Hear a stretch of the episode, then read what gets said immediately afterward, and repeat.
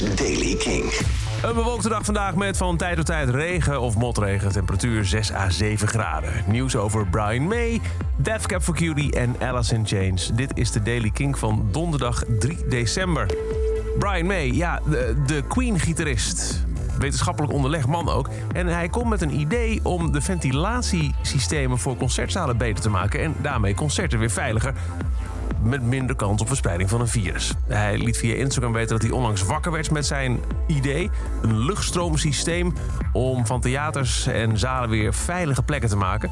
Vervolgens is hij met drie experts om tafel gaan zitten en hebben ze het huidige systeem van het Londense Apollo Feeder onder handen genomen en daar wat theorieën op losgelaten en onlangs ook daadwerkelijk in het echt getest. Hoe die theorieën er precies uitzien en hoe de test is verlopen, dat is nog even gissen.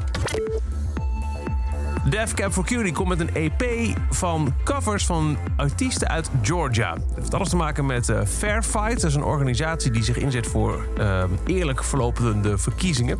En Death Cab for Cutie wil die organisatie steunen. Daarom hebben ze dus liedjes van vijf artiesten uit de Amerikaanse staat Georgia gecoverd. Zoals R.E.M. bijvoorbeeld. Uh, Vic Chestnut, Cat Power en ook TLC. Kun je Ben Gibbard van Alice in Chains, van uh, Def Cab for Cutie Waterfalls horen zingen. De EP komt vrijdag uit. Ja, en Alice in Change, die haalt het erbij, want dat is het laatste nieuwtje.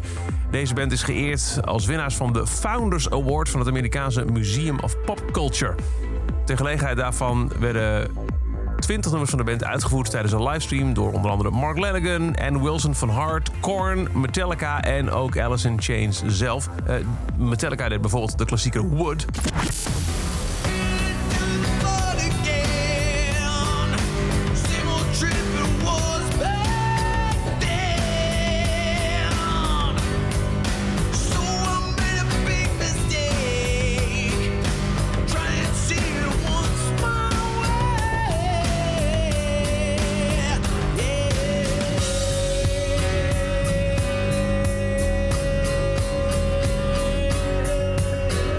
Metallica die Word van Alice in doet.